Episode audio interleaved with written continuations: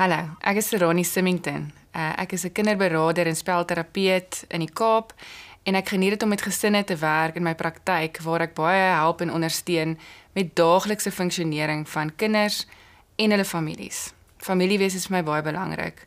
Ek het 'n meestersgraad in speelterapie en ook 'n PhD in sielkunde, juis met die fokus op kinders en adolessente om hulle beter te verstaan en soms net te weet hoe om in hulle wêreld in te klim. Ek is ook 'n senior lektor by 'n private universiteit daar in die stad en dit is vir my baie lekker om ook hierdie kennis te kan deel met my studente en dat hulle ook hulle kennis met my kan deel.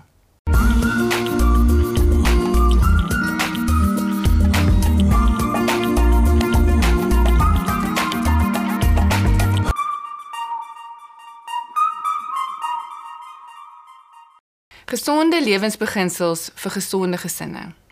Minder stres, angs en drink. Klink dink jy lekker nie? Dit klink sommer heerlik om te dink geen stres, geen druk, geen angs. Want is dit nie iets wat ons almal so bietjie ervaar in ons lewens nie? Maar veral in ons gesinne in die vandag se moderne gejaag en ons moderne samelewing met al sy nuwighede, tegnologieë en die druk wat daarmee gepaard gaan. Maar kom ons dink 'n bietjie oor hierdie term gesin. As ek die woord gesin sê, wat kom op vir jou? Want jy sien, ons almal se definisie van gesin is tog anders. Party mense dink aan gesin as ek en my man of ek en my vrou. Sommige mense dink aan gesin met kinders.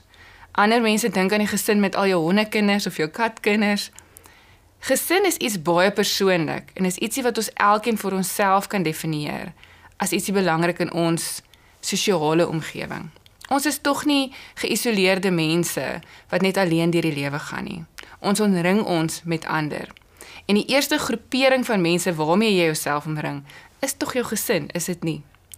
Daar's so baie teorieë wat gefokus is om hierdie idee van gesin te probeer verduidelik, te probeer verstaan en te probeer te kyk hoekom is dit belangrik om binne 'n gesin te wees? Hoekom is dit belangrik vir jong kinders om deel te vorm van 'n struktuur soos 'n gesin. En ons baie sielkundige raamwerke wat verduidelik hoe die verhoudings wat ons in hierdie vroeë kinderjare vorm binne die gesin eintlik ons hele sosiale emosionele ontwikkeling affekteer tot so 'n mate dat dit maak ons wie ons is wanneer ons groot mense is. Dis nogal 'n moeilike gedagte om meer te sit, nê, vir alles 'n ouer. Dit wat ek vir my kind bied binne my gesin terwyl hy groot word of sy groot word, bepaal sy sosiale en emosionele welstand vir die res van sy lewe. Jo, daai is druk as mens wil praat van angs, stres en druk, nê. Nee. Maar kom ons dink 'n bietjie na oor hoekom is dit belangrik om te praat oor die gesin? So navorsing sê vir ons 'n klomp dinge.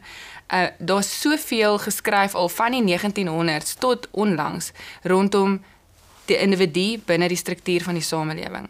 Een van hierdie ouens is byvoorbeeld Abraham Maslow. Ons het al baie van hom gehoor. Ek seker daarvan daar's baie advertensies en media posts en al hierdie dinge wat baie praat oor Maslow se beginsels. Maslow leer vir ons dat elke mens eintlik 5 basiese behoeftes het waarna hulle streef om 'n gelukkige lewe te lei. En hy pak hom so in 'n piramidetjie van belangrikheid. So heel onder die grootste blokkie van die piramide is ons belangrikste blokkie en daar begin hy deur te praat oor ons basiese behoeftes. Met ander woorde, ons moet eet, ons moet slaap, ons moet water drink. Ons higiëne is belangrik, nê? Nee, so dis die dit is die goed waarsonder ons nie kan lewe nie. Sonder dit kan mens doodgaan. Dit is jou basiese basiese behoeftes. Die tweede trappie van daar af praat hy van ons sekuriteit en veiligheid. Nou dit is nogal baie belangrik om veilig te voel, nê? Want as ons nie veilig voel nie, ons is altyd in 'n toestand van veg of vlug, dan kan mens nie eintlik funksioneel wees nie. Die derde blokkie is sense of belonging, soos die Engelse man hom sê. 'n 'n gevoel dat jy ergens hoort. Dis baie belangrik om te voel iemand weet waar jy is en wie jy is en hoe jy is en gee om en dink na oor jou. En dan die boonste twee blokkies gaan ons eers na die self toe. Die boonste twee blokkies is dan jou selfwaarde en dan ook selfaktualisering wat beteken dat jy as mens weet wie jy is, hoe jy is, jou drome en ideale ken en streef daarna. So Maslow verduidelik vir ons van die onderkant af hoe gesinne belangrik is. Want as 'n baba en as 'n jong kind, is jou basiese behoeftes tog iets wat deur jou gesin bevredig moet word. Anders word dit hierdie um term van neglect wat ons baie keer hoor. So die gesin is geweldig belangrik vir oorlewing, basiese oorlewing. En dan, dan natuurlik ook hierdie sin van behoort, sense of belonging. So Maslow is vir ons belangrik. Hy leer vir ons gesinne hou ons aan die lewe. Die tweede baie belangrike teorie waarna ons moet kyk is Bowlby en hy praat van bindingsteorie, die attachment series. En wat interessant is van Bowlby is hy sê in die eerste 3 jaar van 'n kind se lewe en van jou lewe was jou basiese basiese ontwikkeling van 0 tot 3 gebind aan iemand. Jou veiligheid, jou spraak, jou kruip en loop, al jou ontwikkelingskurwe was beïnvloed deur die stelsel waarin jy was of is. So tussen 0 en 3, baie mense praat van the first 1000 days. Daar kom baie baie baie binding ter sprake. Daar moet jy veilig voel en voel someone has got me. So babatjies soek na hulle ouers om te verstaan hoe lyk 'n glimlag, hoe lyk vriendelik, hoe lyk hartseer. Hoe lyk 'n uh, omgee? Hulle lees ons gesigte, ons lyfstaal. Hulle leer die woorde wat ons praat en nie praat nie. Hulle leer die hantering van emosie. Hulle leer hoe ons 'n broodjie smeer, nê? Nee?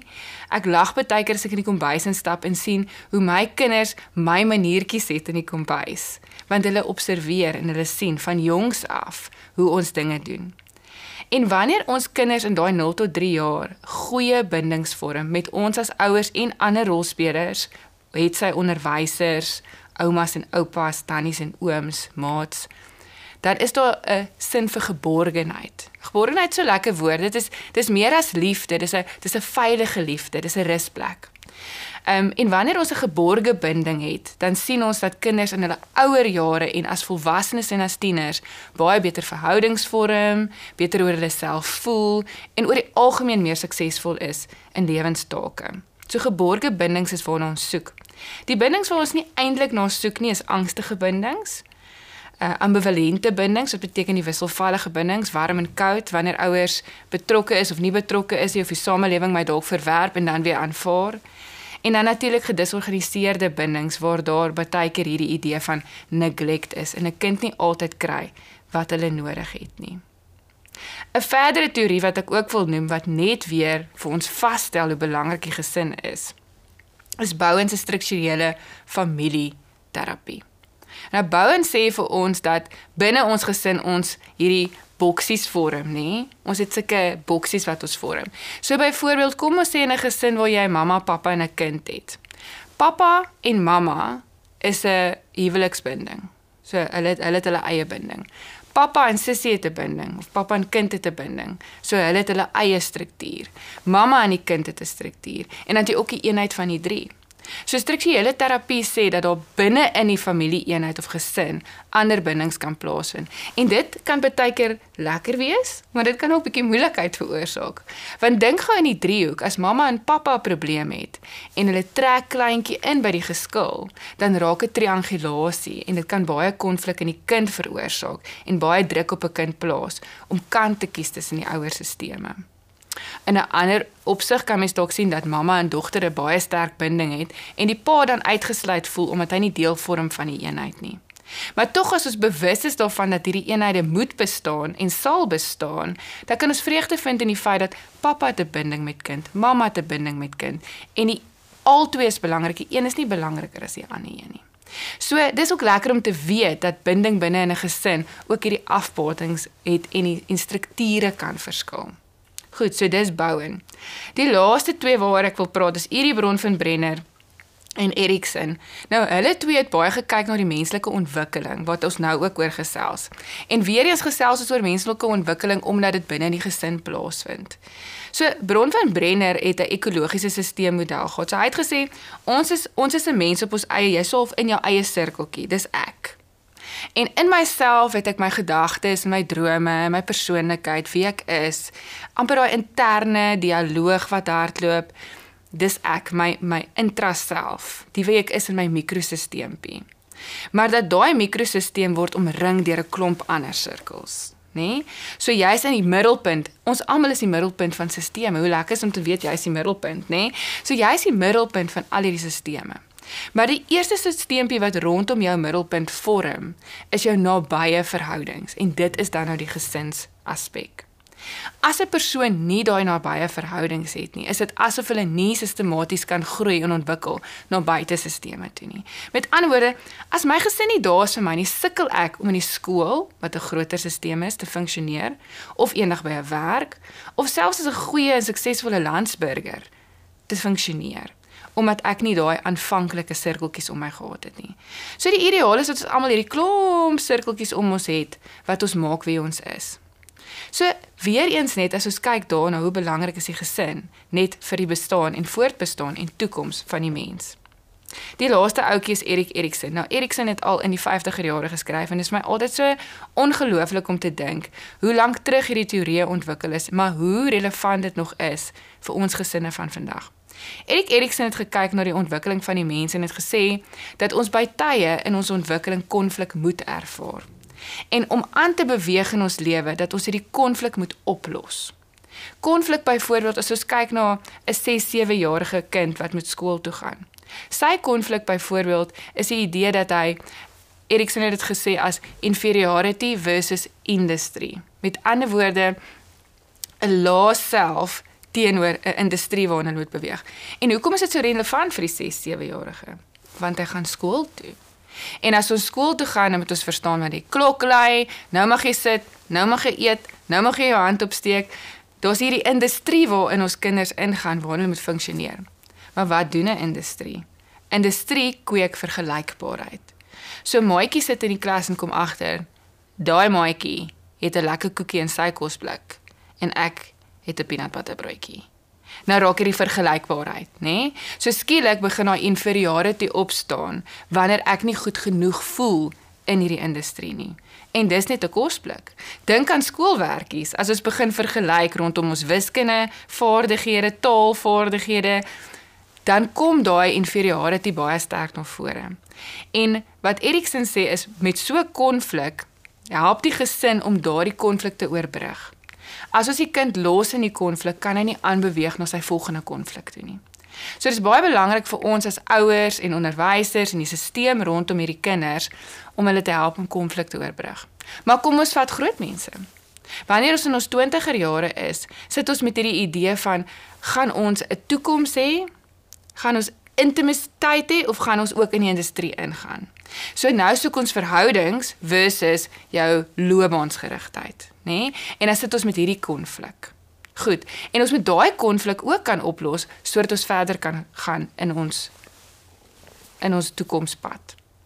So Erikson verduidelik ook hoe die gesin 'n prominente rol speel van babatjie tyd af deur al hierdie verskillende konflikte. Daar is 8 sulke konflikte wat hy noem waardeur ons beweeg totdat ons die dag eendag lekker kan aftree by die see, nê. Nee. So Dis baie belangrik vir ons om te verstaan dat ons binne gesinne 'n groot verantwoordelikheid het om mekaar se ontwikkeling aan te hits. So, daar is strings attached. Ons sien altyd hierdie flieks wat hulle sê nou strings attached. Maar weet jy wat? Ons moet touwtjies aan ons vas hê. Ons moet ons gesin se touwtjies aan ons vas hê. Dit is belangrik vir ons vorming. En dis belangrik om gesond dan te kan ontwikkel. So onthou as ons weer aan die gesin dink aan die belangrikheid van hierdie teorieë om ons te laat verstaan dat 'n gesin kardinaal is in ons ontwikkeling en gesonde gewoontes as groot mense.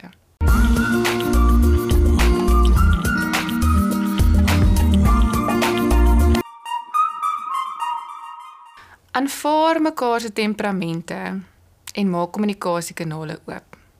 Wat vir 'n ding is 'n temperament? Ek kry hierdie vraag so baie en ek dink mense verwar baie keer die idee van temperamente en persoonlikheid want dit is so na aan mekaar gekoppel. 'n Temperament is iets waarmee jy gebore is. Hoekom is iemand se oë blou en 'n ander ou se oë bruin en jy weet ons ons dames kan ons haarkleur verander en so aan, maar daar is sekere aspekte van jouself wat jy net nie kan verander nie. En een van daardie aspekte is tog temperament. Temperament is hierdie ingebore self wat jy net is. En temperament is baie keer meetbaar op verskillende vlakke van jou funksionaliteit. Met ander woorde, hoe jy is, nê? Nee? En wat interessant is is as ons in 'n huishouding sit binne ons gesinne, is daar gewoonlik verskillende temperamente. My ouma het altyd gesê toe sy haar eerste kind gekry het, het sy gedink, "O, oh, dis die sonskyn in die dag in die mooiste." Nê? Nee? En hierdie kind se temperament is so borrelende energie temperament. En toe kom haar tweede kind en sy dink, oh, "Hulle is so verskillend. Nou is dit soos dag en nag." En toe kom die derde kind en sy besef daar is nie meer tyd van die dag oor om te meet nie, omdat ons almal so verskillend is. As jy dink aan jou eie huisgesin, ons is 4 in my huisgesin en al vier van ons is daadwerklik verskillend. Daar is oorkoepelende faktore wat ons dalk dieselfde van goedjies hou of hier en daar kan sê, oh, "Boeta is soos pappa" of "Sissa is soos mamma." Maar tog in ons holistiese bou van wie ons is, is ons fundamenteel anders as mekaar. En dis as gevolg van temperament. Nou persoonlikheid groei uit temperament uit. So persoonlikheid is meer dit wie jy word uit jou ervarings uit. Die goed waarmee jy moet deel elke dag. Die situasies wat gebeur en hoe jy dit hanteer en leer om dit te hanteer. En dit kan amper ingebou word soos wat jy ouer word. So byvoorbeeld hoe jou ouers dinge in die huis doen kan word hoe jy dinge in die huis doen. Ek dink byvoorbeeld daaraan as as mens trou, nê, hoe jou maniertjies van jou ma se huis afkom en jou man se maniertjies van sy huis afkom en dit baie keer verskillend is.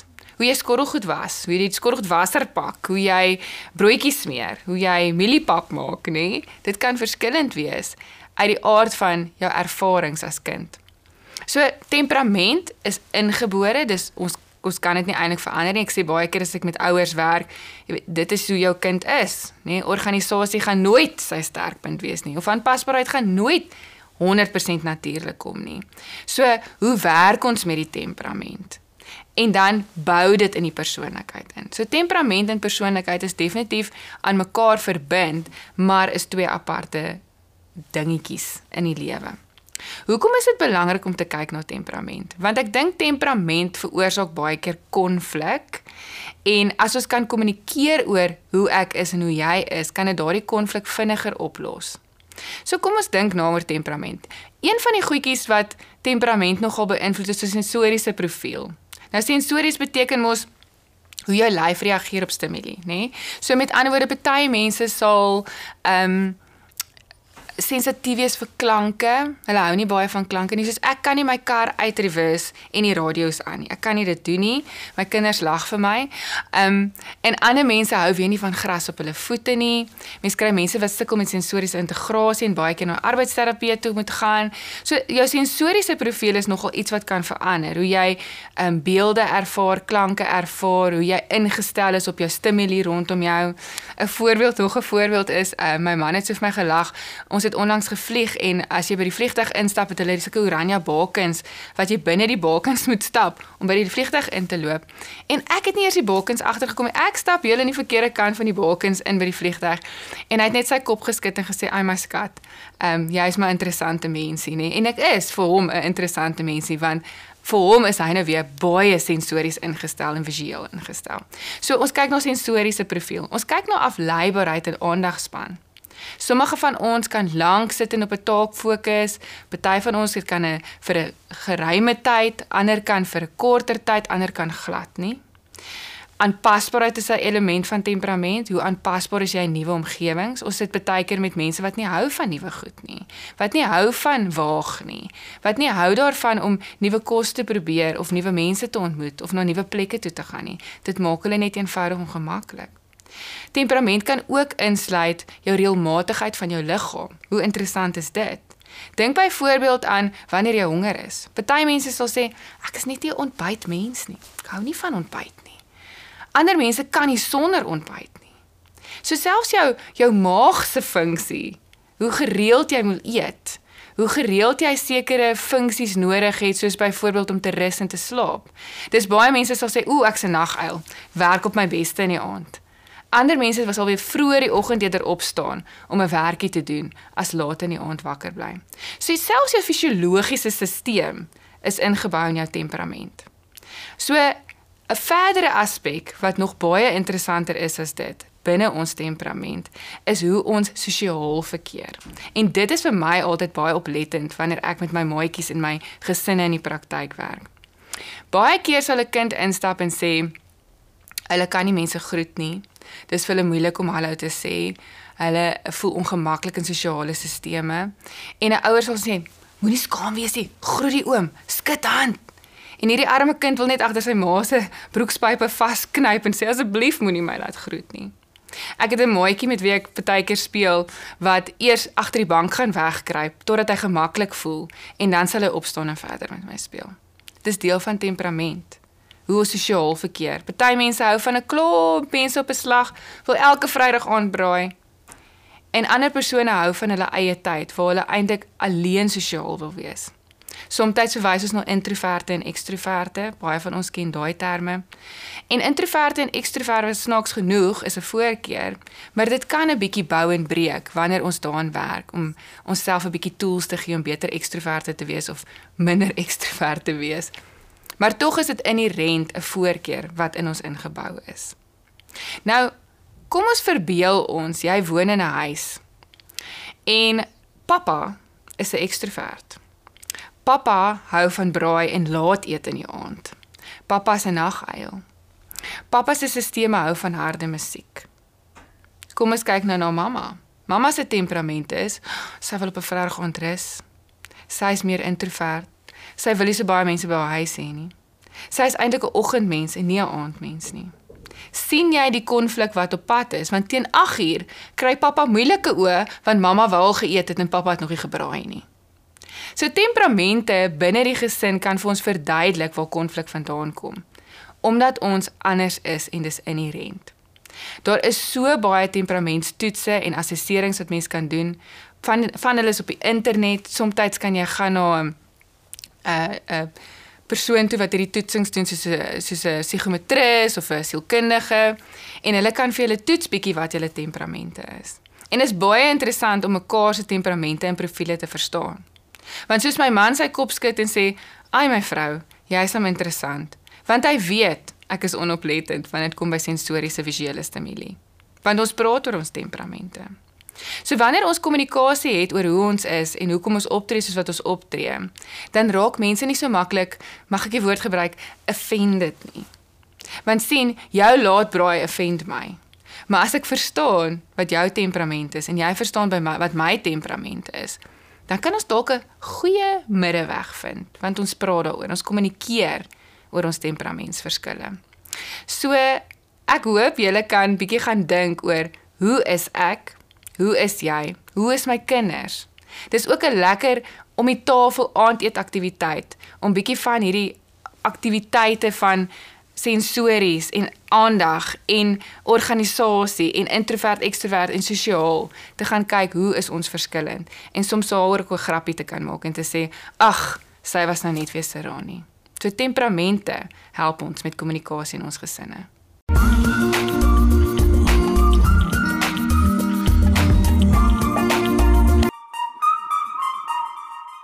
Veiligheid en koneksie. Dit kweek gesonde verhoudings. Dit klink eenvoudig, veilig te voel, koneksie te hê met mense. Maar dit is kardinaal in ons oorlewing om veilig en connected te wees. As ons kyk na breinontwikkeling, is dit iets wat ons wetenskaplik kan sien. Ek dink baie keer as mens werk met met die sielkunde en met emosie, dan voel dit so soft sciences. Dit voel so bietjie asof ons hierdie goed uitdink omdat ons voel dit 'n belangrike ding is of ons het 'n ons het 'n sekere denkwyse of 'n ideologie waaraan ons vasklou. Maar die sielkunde is eintlik 'n wetenskap as ons kyk na die brein se ontwikkeling. So wat interessant is van ons brein is dat dit ook ons emosionele state vashou. So ons emosionele state is hoe ons emosioneel reageer op stimule. Nou wat interessant is is daar's drie hoofstate waaruit ons funksioneer op 'n daaglikse basis, soos wat ons omgaan in die wêreld, soos wat dingetjies gebeur wanneer jy 'n motorongeluk maak of wanneer jy kuier saam met 'n vriendin in 'n koffiewinkel of wanneer jy as gesin om 'n etenstafel sit daar's insidente en situasies deur jou dag wat jou brein prompt om van hierdie state in te gaan. Nou dit werk eintlik soos trappe wat mens met trappies opklim. Die onderste trappie is waar ons begin. Jy begin mos altyd van onder af boontoe. As jy by 'n huis se trappe opstaan, gaan jy mos op die onderste vloer begin. Niemand van ons is Superman en kan opvlieg boontoe nie. So ons moet by die onderste trappie begin. Die onderste trappie is ons oorlewingsbrein. Die Engels praat so mooi van survival state. So ons oorlewingsbrein is waar ons eintlik in 'n autopilot ingaan om onsself geldend en self self-preservation, selfoorlewing vas te stel. Want almal van ons wil oorleef. Almal van ons het hierdie inherente uh soeke en behoefte en begeerte om te lewe. Maar meer as om net te lewe om lekker te lewe. Om kan ek die woord gelukkig gebruik. Ek sê nou reg vir vir 'n maatjie te sê ek vir hom, what does it mean to be happy? En en dit was 'n woord wat mens so maklik uitgooi, maar is so volgelaai, nê? Nee? En is amper asof mens baie keer dink, kan mens ooit happiness regtig vaspen? Want dit is tog vir elke ou iets anders. Maar in daai oorlewingsbrein is dit 'n baie persoonlike soeke na ek wil leef en ek wil gelukkig wees. Okay, so oorlewingsbrein word gewoonlik baie hyper gebruik in die 0 tot 3 jarige fase van kinderontwikkeling. Ons almal het oorlewingsbrein, hy bly daar, hy gaan nie weg as jy 3 jaar oud is nie. Dis net die fondasiebrein. En hy is sommer aan jou stelsel vas, aan jou lyfstelsel vas. So jou oorlewingsbrein het 'n uh, wil ek amper sê 'n flip switch, nê? Nee? So as iets gebeur wat jou oorlewingsbrein uh, in die moeilikheid laat voel of laat voel hy word nou bedreig dan flip daai switch. OK. En dan doen hy een van drie goed gewoonlik. Veg, vlug of vries. Dink byvoorbeeld as 'n leeu voor jou kom staan. Jou lyf gaan outomaties iets doen. Hy gaan of veg, vlug of vries. Van die toeriste sê dit gebeur in fases. Ons wil eers veg, dan wil ons vlug en dan vries ons. Bessel van der Kolk wat 'n traumatoloog is, 'n dokter in Amerika wat baie skryf vir trauma. Hy praat nie van vries nie, hy praat van 'n collapse jy veg vlug of jy collapse. Dis vir my eintlik so 'n mooi manier om te verduidelik. So tussen 0 en 3 is ons flip switch veg vlug of vries. Wat het ons nodig om nie te veg vlug en vries nie? Veiligheid. Maak tog sin as jy veilig voel, as jy nie bedreig voel nie, dan is daai staat uitgesorteer. So wanneer ons veilig voel, dan kan ons die trappie klim. Nou gaan ons na die emosionele brein toe. Emosionele brein is waar ons aanvaarding soek. Onthou julle Maslow se trappies wat ons begin by basiese behoeftes en dan in die middel gaan ons na belonging toe voordat ons na die self toe beweeg. Dis dieselfde met hierdie trappies. Ons moet eers veilig voel. As ons veilig voel, dan soek ons ons maatjies, dan soek ons ons ouers, dan soek ons ons gesinstrukture. So in die emosionele brein wil ons behoort. Ons wil voel daar's mense wat weet ek bestaan, wat dink oor my, wat my hart ken. Wanneer ek voel daar's mense aan wie ek connect, dan is my emosionele staat gelukkig. Wat gebeur as my emosionele staat nie gelukkig is nie? Dan sien ons baie verbale reaksies, veral by ons kinders, nê. So hulle sal byvoorbeeld 'n maatjie sal lelik wees en hulle sal sê: "Niemand hou van my nie. Almal haat my." Maar een maatjie was lelik. So in daai emosionele staat is mens amper so half ehm um, jou reaksie is groter as die trigger as dit sin maak. Jy is amper wil ek sê mag ek dit gebruik oor emosioneel by tye en jou emosie is groter as wat die insident eintlik dit toelaat. So ons het gesê 0 tot 3 survival oorlewingsbrein. Dan gaan ons op in die emosionele brein in, dan begin maatjies bietjie daar rond speel. Hulle is so tussen 3 tot 5 jaar oud. En dan na dit gaan ons in die dinkbrein in.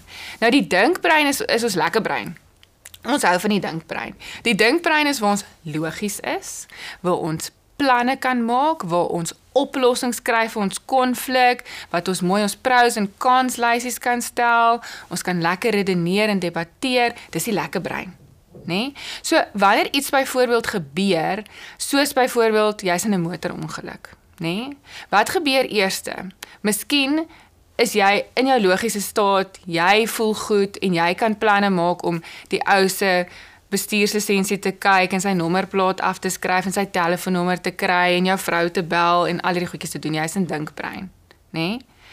Maar as jy groot genoeg skrik en jou temperament is so dat jy maklik skrik, dan stoor dit jou dalk emosionele brein toe. So as ek byvoorbeeld in 'n motorongeluk kom, wat is die eerste ding wat ek soek? Ek soek my man. Ek moet hom bel, kom help my. Ek soek my koneksie. Iemand anders wat dalk skrik, gaan in oorlewingsbreine in en gaan ek wil net wegkom, veg, vlug of vries. Ek weet nie wat om nou te doen nie. Vir wie bel ek? Ek weet nie wie om te bel nie. Waar is die polisie? O, ek moet 'n nommerplaat afskryf. Vries. So ons ons emosionele state bepaal hoe ons reageer. Nou binne 'n gesin gebeur dit baie keer dat ons state verskil. So kom ek vat 'n voorbeeld uit my eie huis uit. Party aande as ek klaar gewerk het, is ek nogal so bietjie moeg. En dan is dit moeilik om in my dinkbrein te wees. So dan is ek soms in my emosionele staat. Ek is nogal lief vir my emosionele staat. En dit is wanneer ek dan koneksies soek. Ek wil net hê almal moet by my kom sit en almal moet vir my lief wees en my vertel van hulle dag. Ek soek net daai koneksie. So dan is mens ook so 'n bietjie vulnerable, nê? Nee? So jy is maklik getrigger as ek dit nou so kan stel. My kind kom dalk by die huis na 'n baie lang dag. Die wiskunde toets was aklig. Juffrou was weer in 'n ook in haar eie staat. Sy was in oorlewingsstaat vandag en maatjie was lelik en um, ek is nie gekies vir die span nie en dit was net 'n all-round aklige dag. So kind kom by die huis aan in oorlewingsstaat en wil net fight. Alles is verkeerd. Die kos is sleg. Julle hou nie van my nie. Ek wil die mure slaan en stamp. Ons almal het al daai dae beleef. Kind skree en gil in die gang, mamma sit by die tafel en huil. Want ons state is op verskillende plekke. So soms wanneer ons agterkom ons is in verskillende state, is dit belangrik om dit te kan herken. Wat het ons dan nodig in daai state? Dan moet ons gaan mooi dink. Ek soek koneksie en ek soek veiligheid. Bessel van der Kolk is 'n traumatoloog wat ongelooflike werk doen tussen hierdie state van die brein en die lyf se respons op hierdie state. Want jy sien baie keer as jy in oorlewingsstaat is, klop jou hart sommer vinniger of jy sweet of jy huil of daar's 'n fisiese lyfrespons. En al wat dit dan gaan oplos is daai veiligheid en binding. So veiligheid en binding raak 'n kardinale lewensbelangrike beginsel, nie net binne gesinne nie, maar binne in ons oorlewing. So Bessel van der Kolk sê die volgende, hy sê Being able to feel safe with other people is probably the single most important aspect of mental health. Safe connections are fundamental to meaningful and satisfying lives.